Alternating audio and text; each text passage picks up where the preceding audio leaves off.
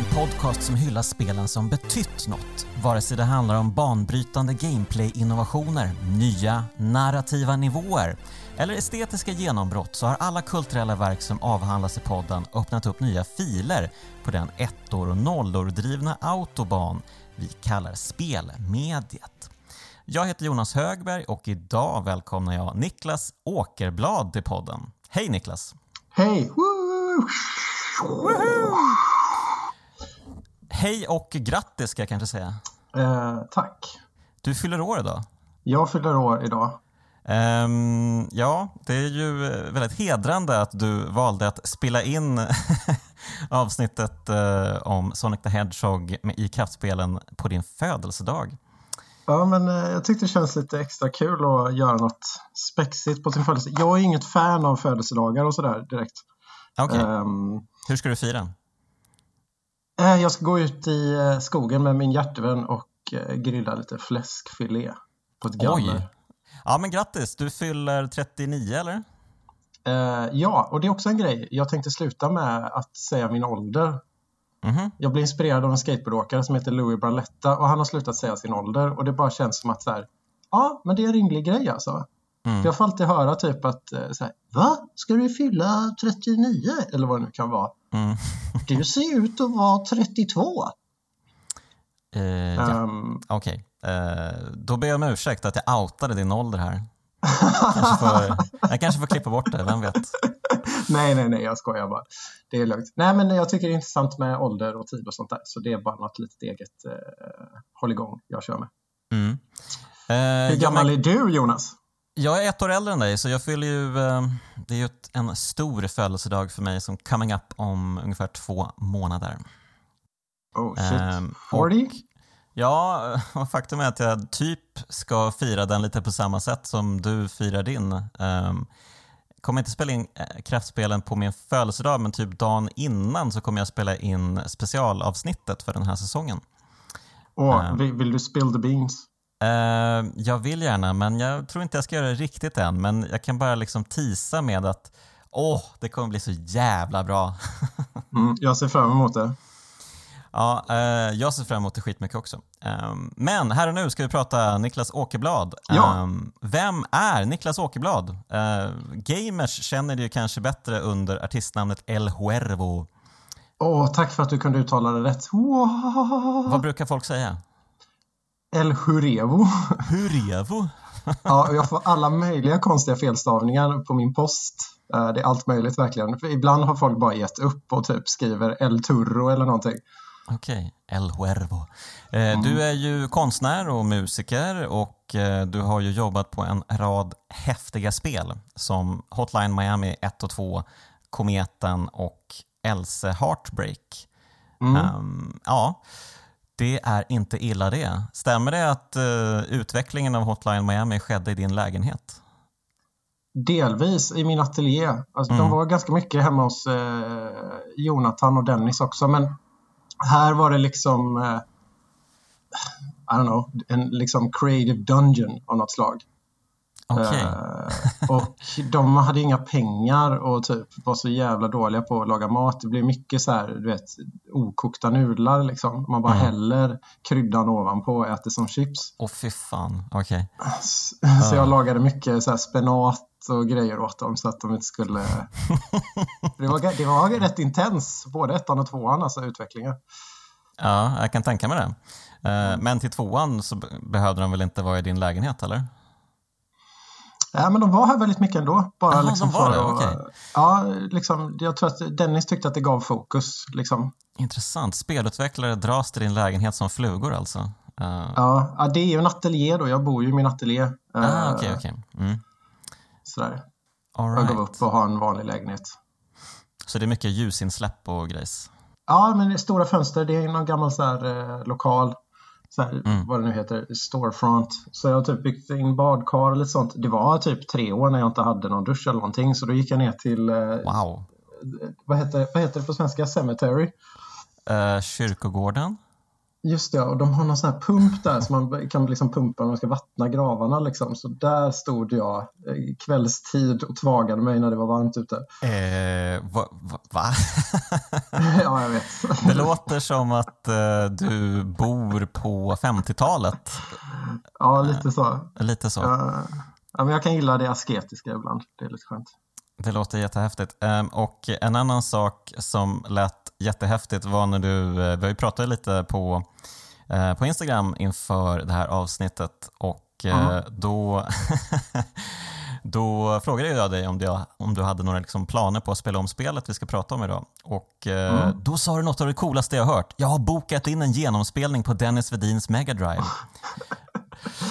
Och nu, och nu, känner jag att jag vill veta allt om Dennis Vedins Mega Drive. Um, funkar den bra? Luktar den gott? Kan vem som helst boka in sig på den? Jag tror inte att vem som helst kan boka sig in på den, tyvärr. Ah, okay. Men uh, uh, då måste man nog massera Dennis lite först. Men, uh, och det är tyvärr Mega Drive 2. Um, Okej. Okay. Mm. Men den luktar gott, det är mint condition och Dennis är väldigt seriös med sina retrospel så han kör så här Bang Olufsen CTR-TV eller vad det heter.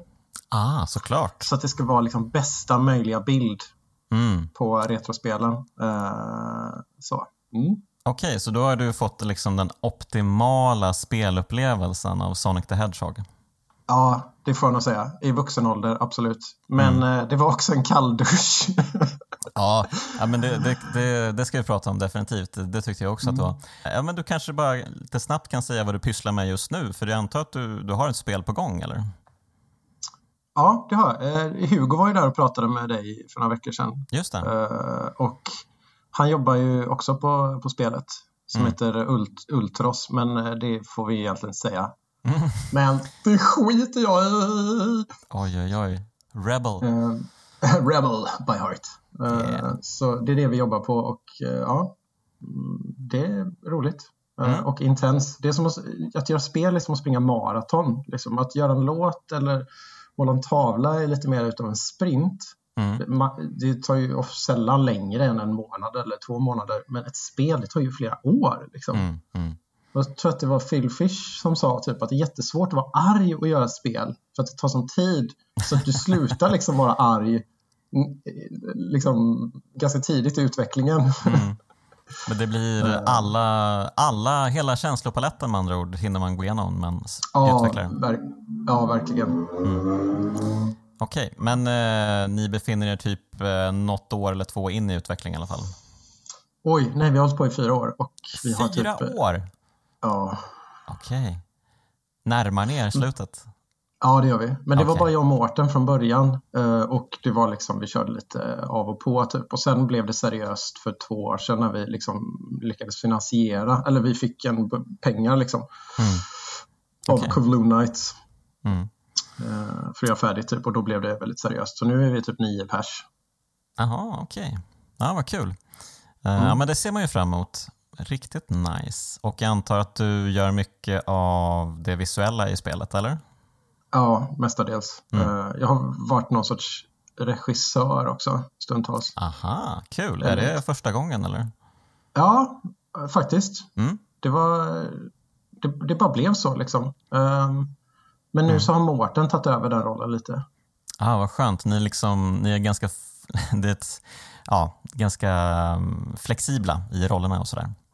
Ja, det får vara så. Vad, vad kallar de det? Flat structure? I don't know. Ah, Okej, okay, okay, Det är lite som uh, Valve typ. Valve? Jag tror att Naughty Dog gör något sånt också va? Ja, ah, det kanske de gör. Mm. Mm. Ja, men uh, det är framtiden. Och, det är framtiden. Uh, men nu ska vi prata om forntiden. Ja, Sonic the Hedgehog. Ja, och eh, du, ba, du gav ju självklart mig en rad eh, alternativ att prata om. Um, men eh, PGA, lite tidsbrist och så, så blev det Sonic the Hedgehog. Um, och, men det känns inte alls eh, dumt, för det är ju ändå liksom ett av tidernas mest liksom, inflytelserika spel. Det som liksom påverkade kanske mest på 90-talet, i alla fall början av 90-talet. Um, ehm, det liksom gav ju Sega marknadsandelar i konsolkriget och eh, ja, Mario fick en riktig utmanare. Och innan vi började spela in det här så sa du ju att det är risk att det blir beef här mellan oss. för ja. som jag förstår det så är du Sonic-fanboy och jag får väl i så fall kategorisera mig själv som Mario-fanboy.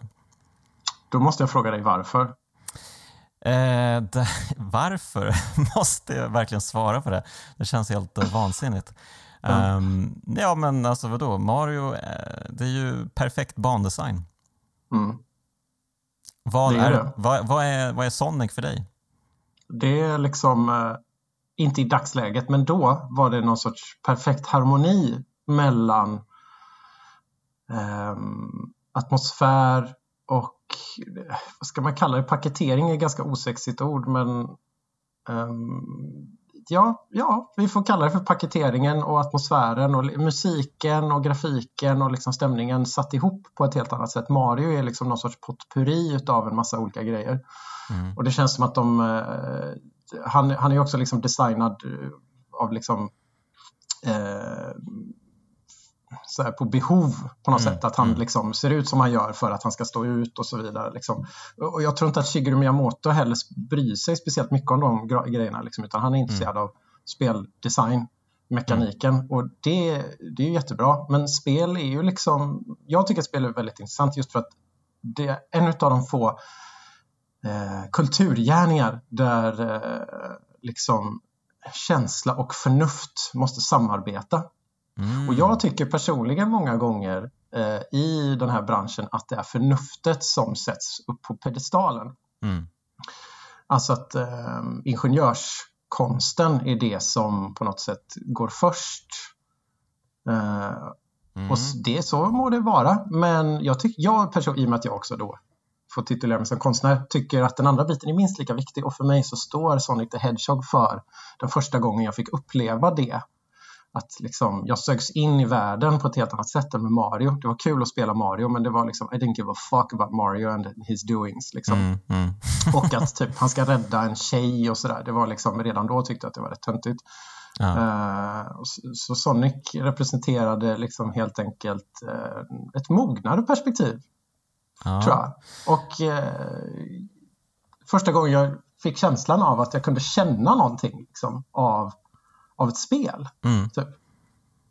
Precis. Ja, men eh, jag förstår precis hur du menar. Jag menar liksom, hela tanken med Sonic eh, var ju att kanske liksom, eh, vad ska man säga, den, den riktade sig väl lite högre upp i åldrarna ändå eh, till liksom de som precis blivit tonåringar kanske medan Mario riktade sig till de lite mindre barnen.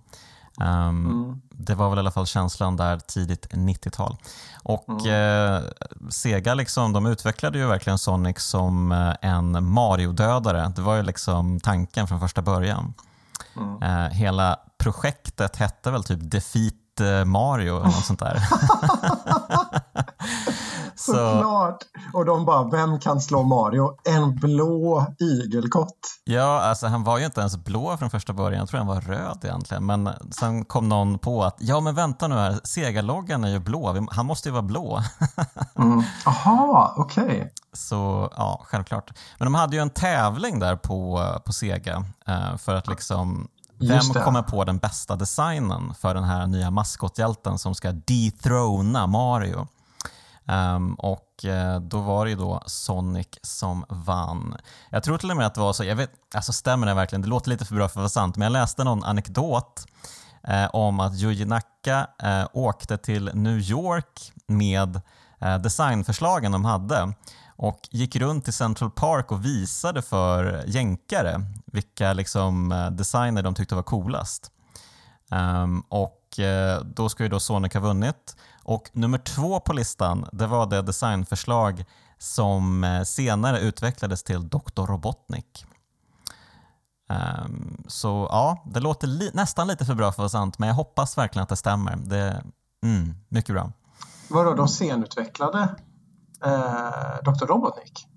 Ja, men precis. Han var ju också en eh, liksom, möjlig kandidat för den här plattformshjälten från ursprungligen. Va? Eh, men sen så kom de på att ah, han kanske inte riktigt har den här coolhetsfaktorn. han är i och för sig fetlagd och har mustasch. Men jag tror inte han var lika fet uh, i det här ursprungliga designförslaget. Uh, men han hade sin stora mustasch uh, och jag tror han var skallig redan då. Så det, det, ja, man, man, vet inte riktigt hur de tänkte där. Och hur den kunde komma tvåa också. Det är helt ja. otroligt. Ja, um, galet. Mm. Men alltså samtidigt, alltså, på ett sätt kan man ju fatta, Dr. Robotnik är ju någon, eller Eggman som han på senare tid kallas, eh, var ändå är lite ikonisk i sig också. Så jag, jag kan ju fatta vad, hur de tänkte och att då kanske så här, ja, ja men eh, det, om det ska vara Mario Killer liksom. Mm. Uh, another dude with mustache på något sätt. Så jo, det, det, det, är inte helt orimligt. Det är inte som någon eh, klasskompis till mig sa att han, han var mytoman liksom. Han bara, ja ah, men du vet att Sonic 5 är under utveckling och då är Sonic en snigel. Eh, Okej. Okay. mm. Jag bara, eh, va? Va? Jaha. På riktigt? Jaha. Mm -hmm.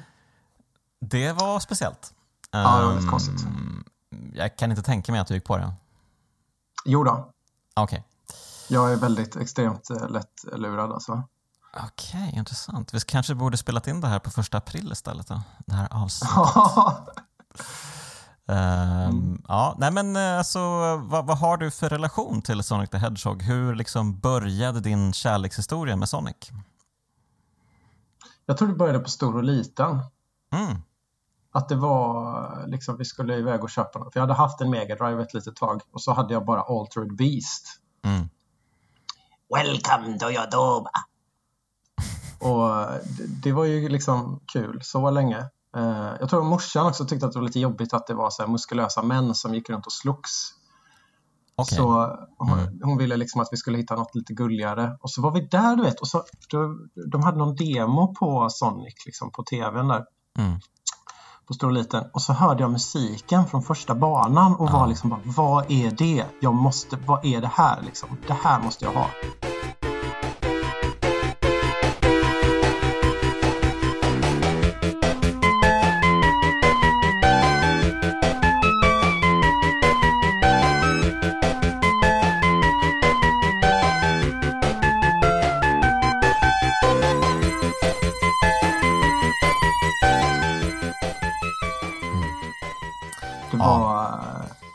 Musiken, ja, något, musiken ja, är otrolig.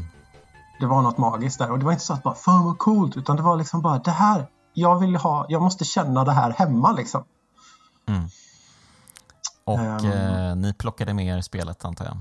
Vi plockade med spelet hem och så började jag lira och var helt lyrisk. Och jag tror det mm. tog mig ungefär eh, ett halvår att ta mig förbi eh, andra banan, alltså Marble City Zone tror jag den heter? Mm. Um, det, var precis, så jäkla, Ja, det var så jäkla svårt där på akt 3. Att det är någon sån, sån här, det är många så här jobbiga fällor och det är någon på slutet där man hoppar, man puttar ner någon liten eh, mackapär i lavan, det är mycket lava liksom, och så mm. ska man stå på den medan den åker och hoppa över lite hinder. Och så hoppa upp och sen hoppa på så här konstiga det är någon sorts plattformsliknande släggor som sitter fast med kedjor i taket som åker upp och ner. Mm. Och så ska man tajma de hoppen lite och sen då på slutet så hoppar man i säkerhet. Men där väntar såklart en annan spikfälla på en. Ja, självklart. Och, och blir du köttad av den då hoppar, åker du rätt ner igen i lavabadet liksom. Mm. Okay. Uh, ja, nej, jag lyckades. Det mm, tog tid att komma förbi den. Okej, så det tog väldigt lång tid för dig att varva spelet antar jag? Ja, det gjorde det verkligen. Jag fastnade på Labyrinth Zone som är fjärde banan. Mm. Uh, extremt länge också. Det var jättejobbigt med vattnet och att man mm. ska stressa. Det är under vatten och så får man stressa med att hitta så luftfickor. Mm. Och den här musiken som spelas när det blir stressigt när Sonic håller på oh, att tappa luft liksom.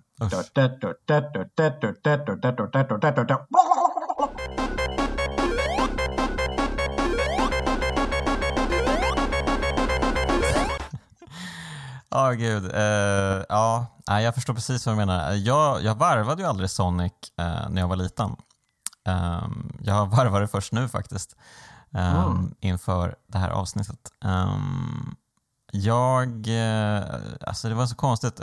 Jag var ju Nintendo-fanboy då, så det var ju bara Nintendo som gällde för min del. Men så hade min brorsa bara fått för sig, han liksom hittat en Mega Drive på i Gula sidorna eller något sånt där. Mm. Och köpte den till mig i julklapp. Och uh, då fick jag två spel. Uh, det var Michael Jacksons Moonwalker och så var det Sonic the Hedgehog. Um, och Michael Jackson-spelet funkade inte, det var paj. Um, så då var det bara Sonic kvar då. Och uh, det här var ju liksom, åh nej, det här är Marios stora liksom ärkefiende. Åh, ska jag verkligen spela det här spelet? Åh, jag, åh, jag hatar Sonic. Mm. Men det är klart, man tackar ju inte nej till att spela tv-spel när man är liten. Liksom, så att, nej. Ja, men jag spelade nog kanske till, också till Marble City Zone, andra världen och sen bara wow vad svårt det blev. Um, för ja, alltså det är ju ett pissvårt spel alltså, måste man ju säga. Men det, det är det som är intressant med det också, att det är ganska dumsvårt på det sättet. Mm. Alltså det, det, liksom Mario där är den så här liksom väloljade maskineriet och när, när det går bra så är det liksom, det är som att spela ett instrument, you're in the zone. Mm. Och Sonic har liksom den här konstiga start-stopp-känslan. Liksom. Ja.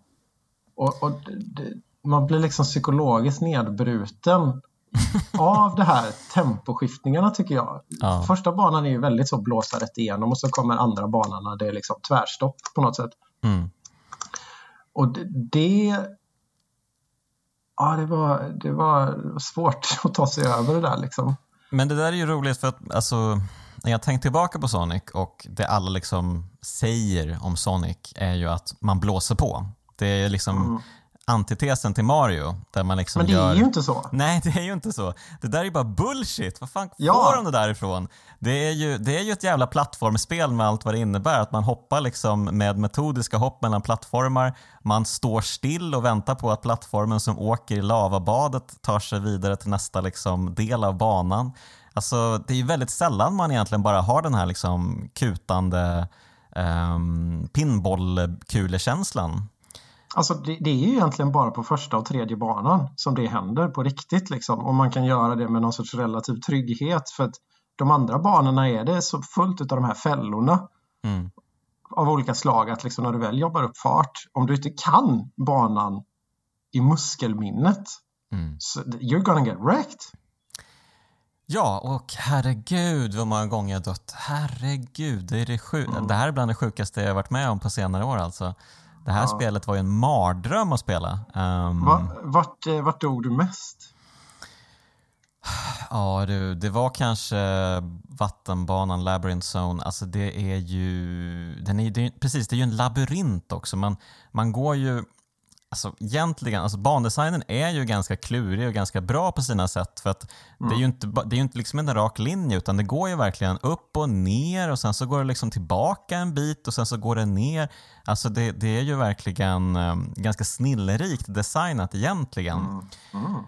Men, men uh, sen är det ju bara det att de har alla de här liksom jävla fällorna överallt med liksom uh, uh, grejer som kommer från taket spikar rakt ner i huvudet eller liksom en plattform som bara whoop, flyger upp i taket och krossar Sonic. Um, och sen när man väl får upp fart då, då dundrar man ju rakt in i en fiende liksom. Ja, um, eller de här jobbiga eh, studsmattorna som är utsatta överallt. Ja, precis. Den springer rätt in i en röd sån studsmatta och skjuts tillbaka med jättehög kraft liksom. Ja, precis. De här bumprarna, ja. Precis. Ja, och det är som att typ design, alltså designen går emot sig själv. Mm. Men, och det, det, känns också, alltså, också det här att Sonic är så extremt seg i starten och att alla uppförsbackar är, blir liksom supertröga. Ja, ja. Om du inte redan har fart liksom. Uh, Aha, så det, det, är som att ja, det, det, är så perplext och det är kanske därför jag gillar det liksom. Att det, det är nästan som någon sorts Stockholmssyndrom liksom. Men, eh, men jag tänker att det måste liksom vara... Jag, jag, tänker att de måste ha designat det med hyrmarknaden i tanke, liksom, i åtanke. Um, för att det finns ju Aha. inte en chans att man klarar det här spelet på en helg. Um, alltså på den tiden när man verkligen var tvungen att sitta med en, liksom en Mega Drive och spela utan sparfil uh, med tre fyra liv. Liksom. Ja helt omöjligt. Alltså då, man var ju tvungen i så fall att hyra liksom en Mega Drive eller om man bara hyrde spelet um, helg efter helg efter helg. Så jag antar att det är därifrån liksom svårighetsgraden kommer. Men visste liksom Sega Japan om att hyrmarknaden var så stor? Ja, men den var ju stor i USA också. Jag menar, det var ju liksom en grej med uh, Mario-spelen också tror jag. Um, ah. För precis, uh, första Super Mario Bros, de, de gjorde ju ett uh, arkadspel av det också. Uh, som kom några månader efter tror jag. Um, och det var ju ganska svårt. Alltså det var ju det var ju ganska lätt i jämförelse, men de hade gjort spelet lite svårare i arkadversionen också. Just What? för att nu ska vi få alla spelares mynt. Ja, um, ja såklart. Mm. Så att uh, det där har ju alltid funnits i bakhuvudet på uh, affärsmännen bakom um, utvecklingsteamet. Um, så att säkert, det har säkert med det att göra. Men, the darkness of greed. The darkness of greed. Det är det det här avsnittet kommer att heta. Ja. men, ja, men hur var det för dig då att spela om spelet nu? Mm, alltså, jag, hade, jag strugglade kanske inte riktigt lika mycket som du låter det som. Mm. Uh, mycket, förvånansvärt mycket satt i muskelminnet. Mm. Och jag vill inte säga för mycket, men det kändes som att Dennis var lite imponerad. Ohoho. så jag blåste igenom det där på en och en halv timme ungefär. Okej, men då hade du verkligen allt i minnet antar jag? Ja, mycket faktiskt. Jag har ju spelat det så otroligt mycket, men det var några grejer på Starlight Zone som är femte banan och sen mm. sista banan. Uh, jag hade helt glömt bort de här extremt jobbiga rullbanden med mm Eh, pressarna, alltså att man, liksom, det är någon sorts eh, här, klassisk pressgrej som kommer ner liksom på rullbandet där. Mm, och rullbandet går ju såklart åt fel håll och Sonic mm. är superseg i starten så det är i princip omöjligt att tajma och inte fastna under den här pressen. Mm. Så där dog jag riktigt många gånger och rage-quittade till och med. Oj, okej. Okay. Du var tvungen att spela om alltså? eh, nej, jag ska vara ärlig. Eh, jag eh, gav upp där och sa att bara, nej, det får räcka här för jag vet precis vad som händer i tredje ja. akten. Då är det en labyrintbana till mm. Eh, som inte är jättejobbig och sen sista bossen är superenkel. Ja, men precis. Det där är något jag tänkte på, för alla bossar var ju verkligen pissenkla. Um, mm. Enda gången som det blev lite, lite svårt, det var ju i Labyrinth Zone när, Dr. Robot, när man följer efter Dr. Robotnik istället. Um, mm. man, man hoppar ju liksom uppåt um, i en av labyrinten och så ser man honom där ovanför, liksom, han, åker, han liksom flyr från Sonic. Um, och så är det jättemånga så här liksom taggar som sticker ut och massa ja. galen skit som de slänger på en. Um, så den sekvensen fick jag ju spela om ganska mycket. Um, och och det, det är också vatten samtidigt så Sonic rör sig ju extremt segt och inte mm. så responsiv heller. Och det, det, är också en sån här bara, why do this? Who, vem gillar vem gillar sådana banor i spel alls? Liksom? Du, det, där är, det där är intressant. Det, det fanns så många liksom, urusla vattenbanor på um, liksom 8-bit och 16-bits-tiden. Um, Fattar inte. Det må, precis, varför slänga in det överhuvudtaget? Alla hatar alltså, ju skiten. Ja, kudos till Mario där faktiskt. Vattenbanorna funkar rätt bra tycker jag. Liksom, han simmar mm. ju ändå liksom och har någon sorts... Eh, hans rörelsemönster är anpassat efter situationen så att det blir, det blir inte jobbigt, det blir inte dumsvårt utan mm. det blir annorlunda liksom. Nej, precis. Jämför med, jämför med Teenage Mutant Ninja Turtles istället. Um, oh, oh, Jesus Christ, oh my god. exakt, exakt. Fuck my life. Och eh, ja, men så hemskt är ju inte Sonic, men det är ju otroligt frustrerande det här att man måste ha liksom vatten eller luftbubblor eh, mm. med jämna mellanrum och eh, alltså den där paniken som sätter in när man hör den där jävla melodin som du var inne på. Ja, det, är, och, det är bara terror, bara terror. Det, det, är väl därför jag ser det lite mer som att det närmar sig ett konstverk på ett annat sätt Aha, just, just för att det, det leker med ditt, dina känslor på det sättet. Liksom. Och eh, om du ska penetrera ett konstverk kan ju vara jobbigt. Till exempel, ja, men som, eh, ah, ska man ta ett exempel då? Eh, Picassos eh, målning av andra världskriget eller vad det var, liksom, att den är, den är jobbig att titta på. Så mm. Eller någon film som är jobbig att titta på, i, typ Irreversible eller något sånt där. Liksom. Mm du, du går igenom någon sorts psykologisk kris Uh, och så kommer du ut på andra sidan och jag vet inte, men du känner andra känslor liksom och att det är en del av upplevelsen och jag är nog lite känslojunkie så att på, på något sätt är det ändå liksom, hör det till typ. Mm. Och det upplevde jag ju aldrig eh, med Mario då till exempel. Att det var, det var mera bara gamer-frustration då liksom. Mm. Att du måste klara den här komplicerade grejen som är svår. Men här var det ja, mycket känslor helt enkelt. Ja. men eh, hur har Sonic påverkat dig som konstnär skulle du säga?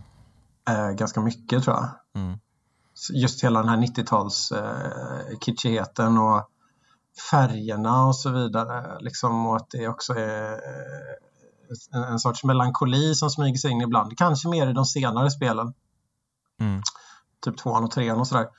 Um, och även Sonic Knuckles. Men musik, men också musiken liksom. Alltså sista banan har lite så här Det är inte riktigt moll men det jobbar liksom. Det är någon slinga där som går liksom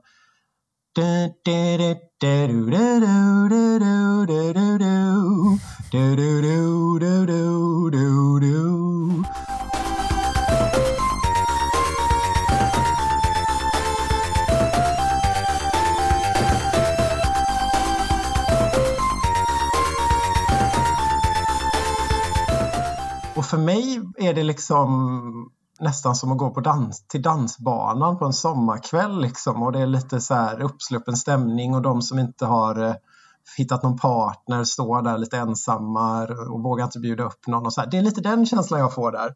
Och ja, det, jag gillar det när det liksom associerar mm. till annat um, på det sättet. Och mm. där är väl musiken ganska stark, att det inte är de här jinglarna. Det, det tycker jag, det är en kudos-grej att ge Sonic här. Innan, mycket tack vare Mario, så var det, och även Zelda, det var jinglar mest liksom. Mm. Ganska korta jinglar som loopades och det var kanske inte så mycket refräng och sådär. Men Sonic hade ju det liksom, det var musik. Mm. På riktigt, på ett annat sätt liksom. Uh, och det vet jag inte om det hade kommit lika tidigt i spelmediet om det inte hade varit för Sonic faktiskt. Och just då kanske givetvis att de tog hjälp av eh, Michael Jackson eh, senare då. Ja, just det. Um, och in, ja, precis, och Michael Jackson han inspirerade väl Sonics skor har jag läst. Oh, okej. Okay. Didn't know that. Uh, nej men uh, hans, uh, alltså de är ju ganska så här uh, platåskoaktiga. Och mm. eh, de ska ha snott det från omslaget till Bad. Eh, där står Michael Jackson med liknande eh, dojor. Eh, men wow. sen, sen, sen färgar de ju skorna röda och vita för att det mm. var jultomtens färger och eh, jultomten är ju ändå den mest populära karaktären. I hela världen. Ja, oh, gud. Eh, alltså, så att, eh, det är roligt för att Sonic Team å ena sidan väldigt coola, å andra sidan extremt töntiga. Um, så det är någon konstig liksom det är någon konstig balans där uh, ja, som är ganska härlig.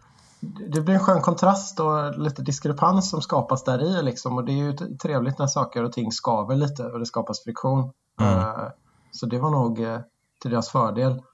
Ja, um, men jag tror det. Um, det. Det känns också som att spelutvecklare generellt jag ber om ursäkt, jag säger det här med kärlek, mm. på den tiden var rätt töntiga. Ja, det tror jag nog.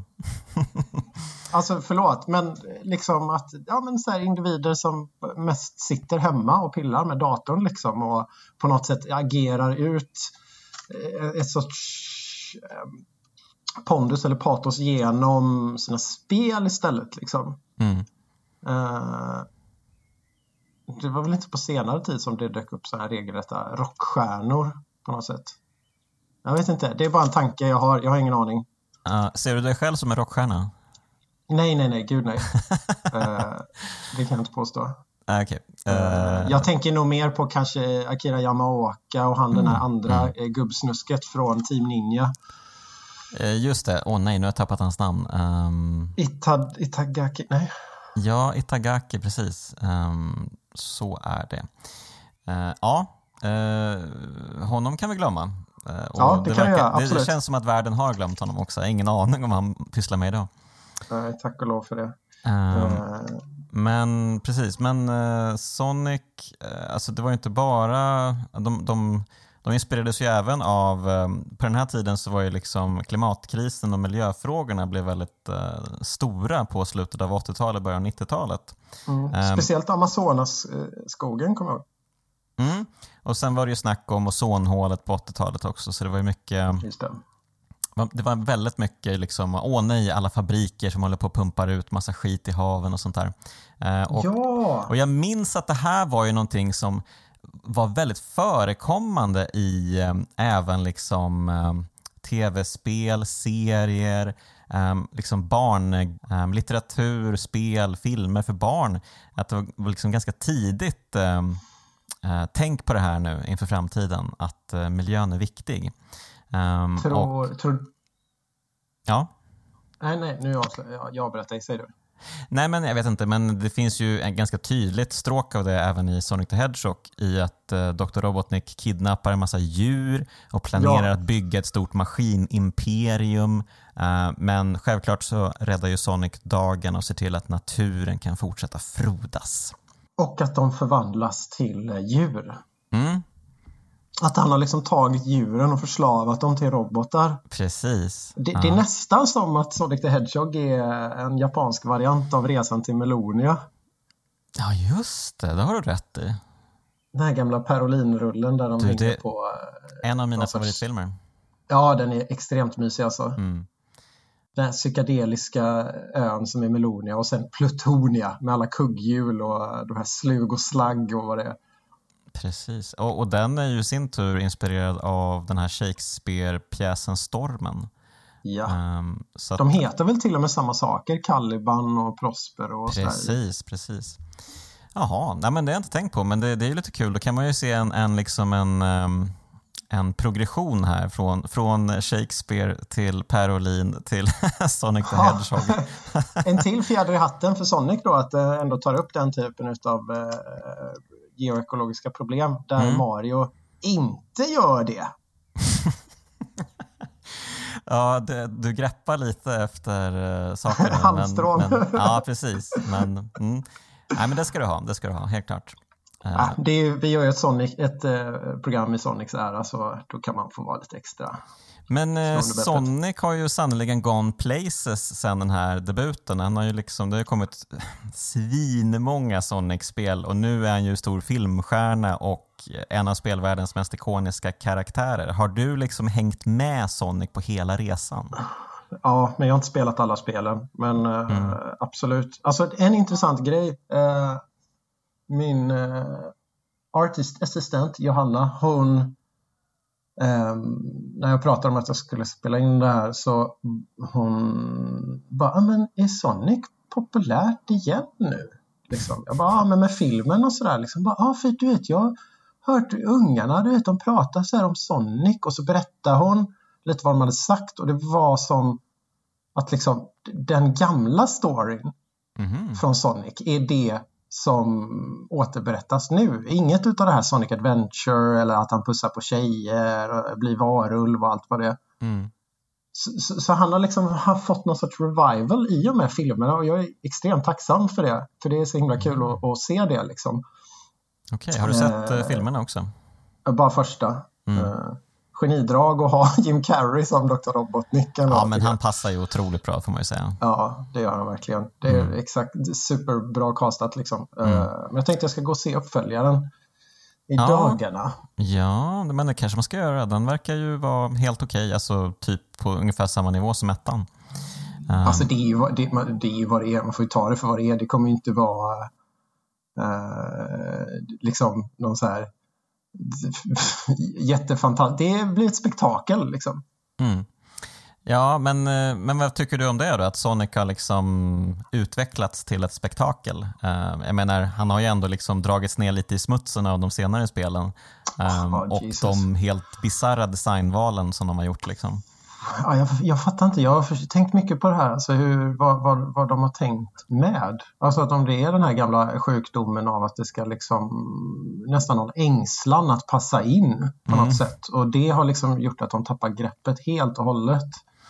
Tror, uh, tror, du att det kan vara någonting med det här att Sonic uppfattades ju liksom från första början som en stencool karaktär? Att ja. Sonic är cool, men alla saker, alltså det finns ju ingen som kan vara cool liksom för alltid. Alltså förr eller senare blir ju det coola lame.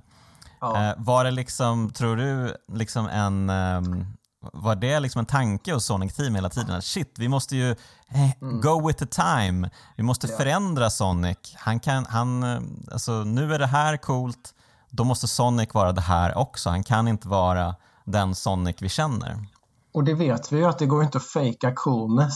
Det är ju mm. någonting som kommer inifrån, från karisma och eh, mm. jag ska inte säga pondus, men liten del där i liksom. Så det går ju inte att fejka det liksom, utan det, det, måste ju vara, komma inifrån. Så hade de bara släppt pretensionerna och kört på så hade det nog blivit mycket, mycket bättre tror jag. Samtidigt, eller bara bida sin tid. Allt går i cykler. Mm. Vänta på att 80-90-talet blir coolt igen liksom.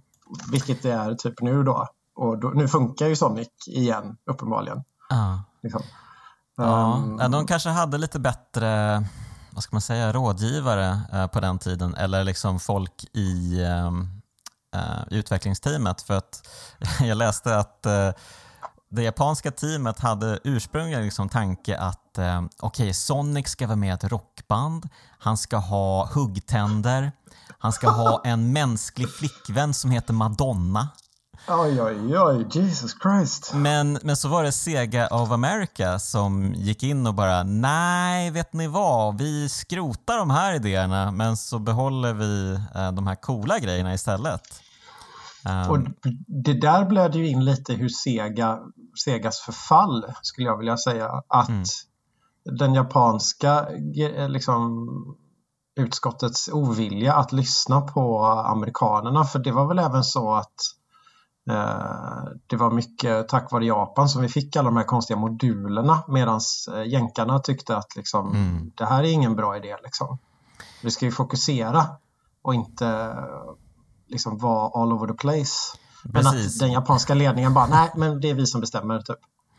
Ja, alltså de borde väl ha, de kunde ju ha sett på uh, Famicom som, de försökte ju komma ut med den här disk system till den Uh, och mm. den funkade ju bara i Japan. Um, mm. De brydde sig inte ens om att skeppa den uh, utomlands. Uh, och alltså alla de där tilläggsgrejerna till Mega Drive, det är ju så vansinniga tankar. Hur kunde de ens tro att det där... Och så, de kostade ju multum också. Ja, de är svindyra. Jag ville ju spela Sonic CD till exempel, men det var ju omöjligt för mm. liksom Mega Drive CD-spelaren var ju alldeles för dyr och till och med svår att få tag på liksom. Mm. Så det var ju ja, det var jättekonstigt. Så, som, och det, återigen Stockholmssyndromet då. Jag är ju fortfarande Sega-vurmare. Liksom. Mm. Trots den här psykologiska misshandeln som jag har utsatts för i snart tre decennier. Oj, det är starkt. Jag förstår inte hur du orkar. Nej, ja, inte jag heller. Nej, men det, det, är väl också under, de är lite underdog, vurmar för underdogs liksom. Och det känns som att Sega varit lite roliga och testat nya saker och sådär. Eh, mm. liksom experimenterat. Så det, det, kan man ge dem. Det är kul att, eh, att de experimenterar. Liksom. Mm. Men, eh, Men de experimenterar blir... dåligt? Ja, kanske det. ja, nej, men, om vi bara liksom lite snabbt ska gå in på spelet lite mer. Alltså, finns det mm. någon av de här zonerna du tycker är den bästa, liksom den roligaste? Vilken är den roligaste zonen? Är det inte första banan bara för att den är liksom där, det, det är där designen och liksom allting är perfekt. Liksom. Mm. Det, det, gjorde de ju verkligen rätt att go out with a bang mm. på det sättet. Och sen okej, okay, i fallande ordning. Uh, okay. Green Hill Zone och sen kommer nog um, faktiskt skulle jag säga Starlight Zone och sen kommer mm. Labyrinth Zone och sen kommer Scrap Brain Zone som är sista banan. Mm, Jätteroligt namn. Mm. Och sen, eh, jag kommer aldrig ihåg vad trean heter, för jag tänker alltid att det är en kasinobana, fast den heter ju inte det. Den heter Spring Yard Zone. Just det, så var det. Men um, du, du, du lägger ändå Labyrinth Zone väldigt högt upp, skulle jag säga. Ja, men det är musiken igen. Ja. Faktiskt, konstigt nog. Alltså, det, jag, och liksom sommarkänslan, för jag har så tydligt minne av att spela den banan på sommaren. Mm. Och så är det vatten och så känns det svalkande liksom. okay. Men jag tror också en annan grej som adderar var att alla ungarna i grannskapet, alla spelade ju Nintendo liksom i grannskapet och mm. Eh, så spreds ju ryktet att jag hade Mega Drive och alla andra hade Nintendo 8-bitars och min var 16-bitars. Ah, uh, du var tidigt ute. Yes. Mm. Um, och då, då, då, då, flockades de liksom hemma hos mig och jag minns att första gången jag klarade fjärde banan Labyrinth Zone då var det liksom fem ungar som satt runt omkring och hejade på. Okej. Okay. Vad härligt. Uh, ja, det var väldigt fint. Så det, det, det är lite nostalgi där. Liksom. Um, sen gillar jag väl Marble City Zone. Um, mm, mm. Fast det är mer som en bubblare. Mest för musiken tror jag. Okej, okay, ja. ja jag, jag, skulle, jag skulle nog bara säga att det är Green Hill Zone som är rolig. uh, sen blir det ju liksom plattforms, uh, ja, men plattformen helt enkelt och uh, mm. det känns inte riktigt som att spelet är byggt för det. Nej, ehm, det gör inte det. Det, det, det är en märklig, ja, jag förstår inte riktigt hur de tänkte. När de designade Han... så många. Jag vet att själva Green Hill Zone tog ju dem ett halvår att få till ordentligt. Att mm. designen på den tog jättelång tid. Är det um, inte för att, därför den är bra då? Ja, jag tror det. Um, de, de valde väldigt komplicerad uh, mekanik liksom, i karaktären. Mm. Uh, och det är svårt att jobba med det. Liksom. Och så, jag tror också att de hade ganska olika idéer om banorna internt. Jag, mm. Det här är ingenting jag har fått bekräftat men det, det är känslan jag får. Liksom, att det, det kanske var lite interna stridigheter kring vad det skulle vara. Liksom. Mm. Och i första banan så är alla med på samma planhalva typ. Mm. Men, och, och, det eh, märks. Liksom. Det gör det ju verkligen. Alltså, första banan är ju verkligen man springer igenom och sen andra banan på Green Hill Zone, um, den är ju lite mer så här att man uh, får stanna upp några gånger men det finns ändå liksom många sekvenser där man liksom ja. åker i loopar och grejs, uh, så här typiska Sonic-saker. Liksom. Och ehm. bandesignen um, funkar väldigt bra också. Ja, men det tänkte jag också på, för det, det är ju mycket så här uh, bandesign på höjden. Um, mm. Det är ju nivåskillnader som är snyggt avgränsade. Um, och när man väl får in flowet, att man liksom åker först höger, sen vänster, sen höger, liksom som att man åker liksom zigzag neråt för en skidbacke nästan. Mm. Um, då blir det ju svinkul verkligen. Då, då, det, mm. det, går liksom att utforska banorna också på det mm. sättet. Att det, du, du, får upp farten, du kör på och så hamnar du någonstans. Mm. Och nästa gång du spelar så kanske du hamnar någon annanstans. Och då var det så här, mm, vad finns det mer att hitta på den här banan? Och, och att det var liksom, det, det, känns lite som att spela Super Mario World, liksom att den här banan har mer att ge. Jag kan hoppa hit, mm. jag kan hoppa dit och hitta nya saker. Och det saknas ju lite på de andra banorna. Mm. Den här liksom öppna känslan. Den kommer ju tillbaka i de senare spelen, tycker jag. Mm. Att där var det mycket mer så att du kan åka hit än dit och så kommer du ändå någonstans. Liksom. Det är inte lika tunnelseende på bandesignen. Liksom. Mm, nej, jag har ju förstått att tvåan och trean och uh, Sonic och Knuckles är överlägsna ettan egentligen. Mm. Um, men då säger du att det, liksom är, det är mycket mer öppet i alla de spelen helt enkelt. De har fattat grejen då, Sega. Ja, typ. Ja, men som att de bara, vilka banor är, var bra? Mm. Liksom på ettan. Ja, men vi gör mer av den varan, typ. Mm. Ja, uh, vi borde, spela, igen... vi borde kanske spela Sonic 3 eh, istället. Ja. ja, jag tänkte precis säga det. Uh, frågan är om inte tvåan är den bästa. Jag vet inte, det är okay. lite oklart mm. där. Ja, nej, men jag, jag, kollade lite på de andra spelen på Youtube och eh, något som jag tyckte var ganska tydligt, de såg ju väldigt mycket roligare ut eh, framförallt, men eh, jag tyckte att grafiken blev lite mer, alltså det, den här liksom, de, de, gröna färgerna, de var direkt vidriga i trean. mm.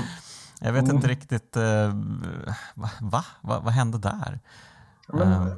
paletten, det här är min analys då. Mm att de kanske hade ett mer eh, konstnärligt förhållningssätt, mm. vad det nu innebär, eh, till, till sin skapelseprocess. Och då ville de liksom hela tiden testa nya saker och utvecklas på något sätt liksom, och inte stå still och stampa. Och, och, och, i den här och i typisk då eh, på konstnärligt maner så blir det lite virrigt i det här sökandet. Mm. Det tar liksom längre tid att nå någon sorts stringens. Mm. Och då blir det de här konstiga grejerna som sticker ut här och där. Liksom, till exempel som färgpaletten. Ja, ah, men vi kan ju inte ha samma grön igen. Det går inte. liksom, vi måste ha en annan grön. Ja, såklart. Den här kör vi och så bara... Ah, Ja, det är mycket möjligt. Um, ja, precis. Och sen var det väl, de var väl ganska många nya också som jobbade på tvåan och trean och Knuckles. Um, Yuji Naka lämnade väl teamet efter ettan, har jag förstått det som. Mm. Till exempel. Och det är ju därför som Sonic ser lite annorlunda ut i de spelen också. Mm. Ja, jag, lite, jag, vet inte riktigt vilken design jag tycker bäst om på just Sonic. Jag tycker nog att han ser ganska cool ut i ettan ändå.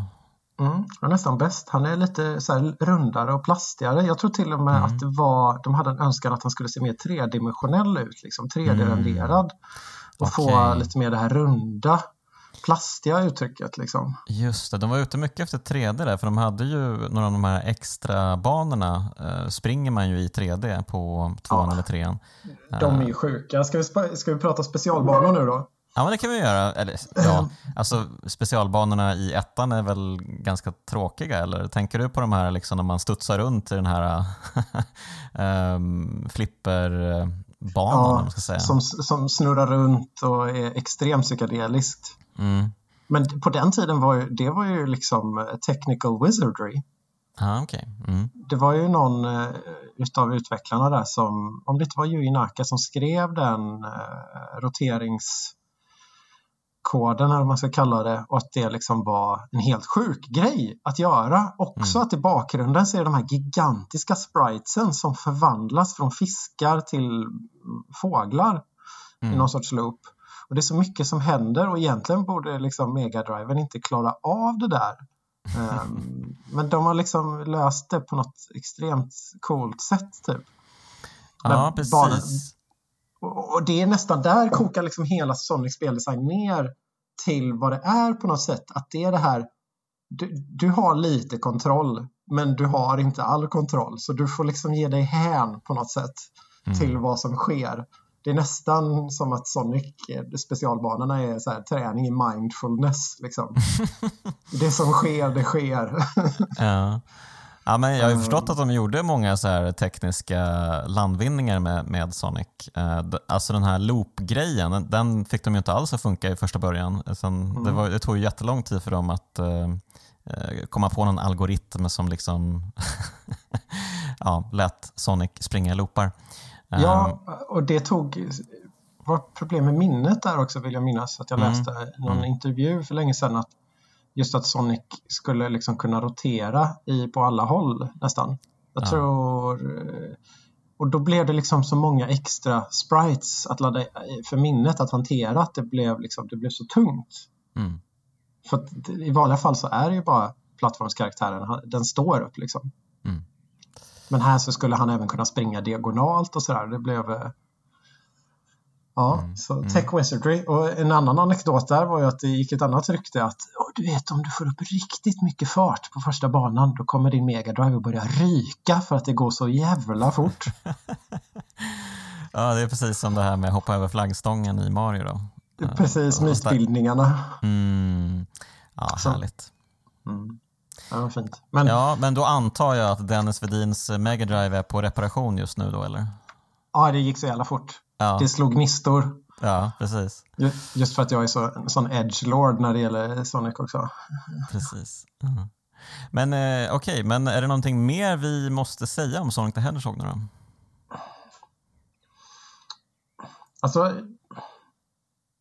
jag kan ju prata nästan hur länge som helst om här, liksom, vikten av att i spel, när man gör spel då, liksom, att allting inte behöver vara perfekt. Liksom, att mm det, ingenjörsharmonin kommer inte först liksom, utan allting är, man behöver ett holistiskt förhållningssätt. Liksom, att det är både, eh, mm, vad ska vi kalla det, vetenskap och hokus pokus på en gång. Liksom. Mm. Och Sonic väldigt tidigt bara liksom visar på den grejen och för mig och många fler tror jag eh, visade att det, det liksom var okej, okay, alltså att det gick att göra så. Eh, att det, det, finns så mycket mer man kan stoppa in i sina spel och också typ att Sonic är någon sorts queer-figur eh, också. Liksom. Jaha. Eh, en? jag har missat.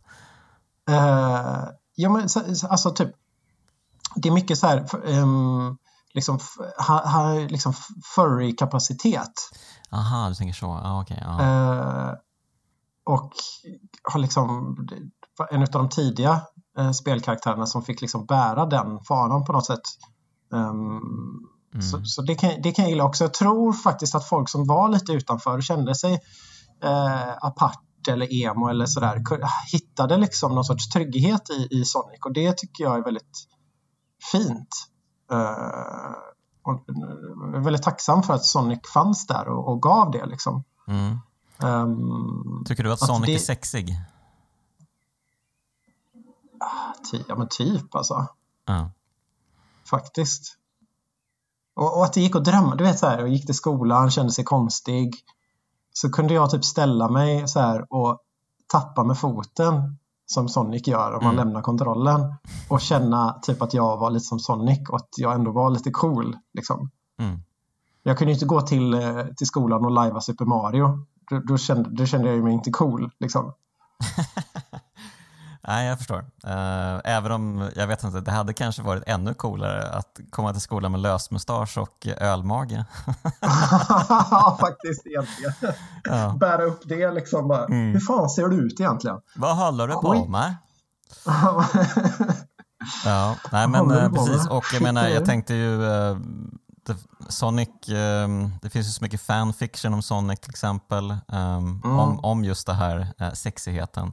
Eh, det finns, ja, ju, folk, det finns som... ju folk som gifter sig med Sonic också. Ja, uh, gud ja. kan man ju läsa om i tidskriften Fienden till exempel. Exakt. Mm. Den uh, gillar den artikeln väldigt mycket. Var, mm. Vem var det som skrev den? Ja, det var Alfred. Ja, det var det. Mm. mm. Precis. Um, uh, ja, nu har jag inte läst så... den på år och dagar, men det var väl en uh, holländsk kvinna tror jag. Uh, ja. Precis, som hade gift sig med Sonic the Hedgehog och Alfred åkte och hälsade på henne. Det, hon verkade... Vad var det som hände där? Jag har för mig att det var, det var, hon hade ett dramatiskt liv. Ja, precis. Det var mycket drama uh, i hennes liv. Um, jag, jag, minns inte så mycket av artikeln mer än att det var en otroligt underhållande läsning.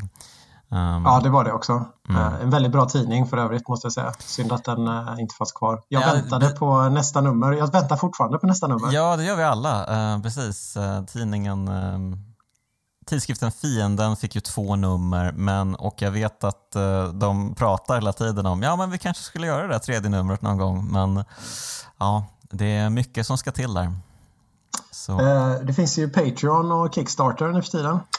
Jo, men jag menar de fick ju ändå in uh, pengar um, via förhandsprenumerationer och sånt där så att jag vet inte, det, det känns, jag, jag, vet inte, jag ska inte uttala mig om det där. Det är ju Alfred och Johans tidning.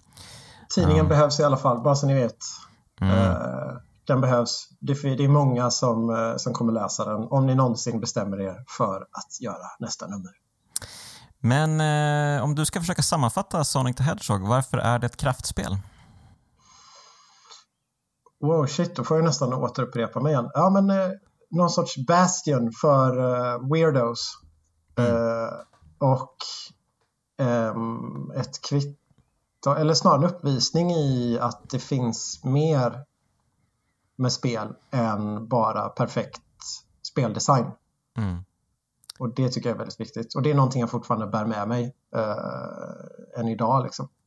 Mm. Och därför är det ett kraftspel. Det, det, satte, det liksom byggde myllan för min egna kreativa utveckling. Mm. Um, med allt vad det innebär. Uh, all the ups and downs. Ja. Känsla före förnuft. Ja, och i Sonics fall tyvärr då får vi säga, eh, även om det är ett kraftspel, kan inte alltid till dess fördel. De hittade inte mm. perfekt balans, men de försökte i alla fall. Eh, och det ska de ha mycket kudos för. Mm. Ja, det blev ju bättre sen, innan det blev väldigt mycket sämre då. Um... Och gud ja, det kan vi faktiskt prata lite om. Uh, när blev det väldigt mycket sämre? Det måste ju ha varit mm. efter mm. det blev ganska dåligt där när Sonic var någon sorts annan 3D. Det var liksom ortografisk vy, Sonic ja, jag... 3D eller vad det hette. Precis, ja, jo, det, oj det finns många. Eh, men, men Rock Bottom var väl i mitten på 00-talet tror jag. Um, Med Sonic Unleashed och allt vad det hette. Ja, alltså jag tycker väl i alla fall av de Sonic-spelen jag spelade så var väl ändå Sonic the Hedgehog 2006, alltså den hette ju Sonic the Hedgehog också, um, mm. bara. Och det. Eh, det. var ju det spelet där det fanns en, ehm, en mänsklig, eh, var det en prinsessa som Sonic mm. var lite sweet på.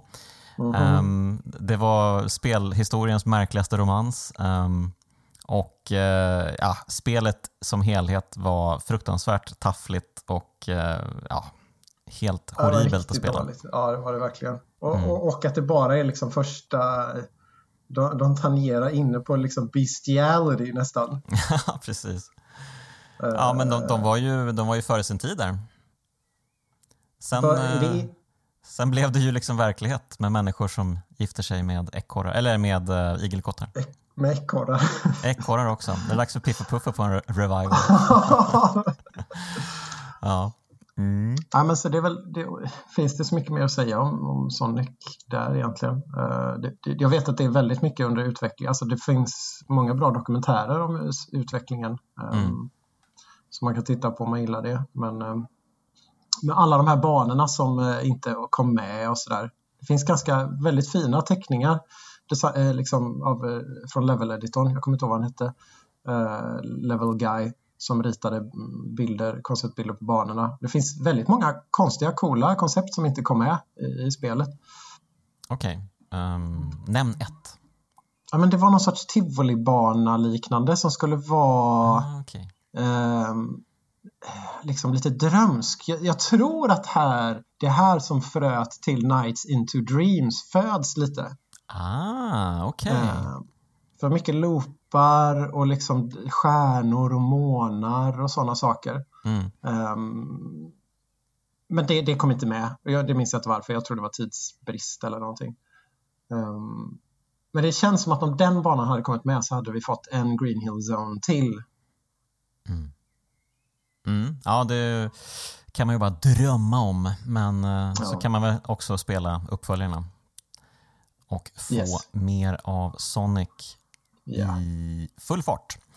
Så mm. som han eh, var tänkt att vara. Ja, um, ja nej men eh, där kanske vi ska stanna då. Um, jättefint att du ville vara med i Kraftspelen, Niklas. Um, Tack för att du fick vara med och prata om Sonic. Det framstår ju nästan som att du är Kraftspelens största fan, så det var ju väldigt kul att du ville vara med också. ja, men det kanske jag är. Mm. Mm, vem vet, vi får ha någon tävling senare och mm. utlysa. Um, ja, men, och stort tack ska du ha som lyssnat. Um, ett stort tack även till uh, Bitpop-pojkarna i um, bandet 047 som gör Kraftspelens signaturmelodi. Um, ja, vill ni kontakta Kraftspelen kan ni göra det på kraftspelen gmail.com och ni kan även följa uh, podden på Instagram och på Facebook. Ja, och därmed säger vi tack och hej. Vi hörs och ses igen nästa vecka. Hej då!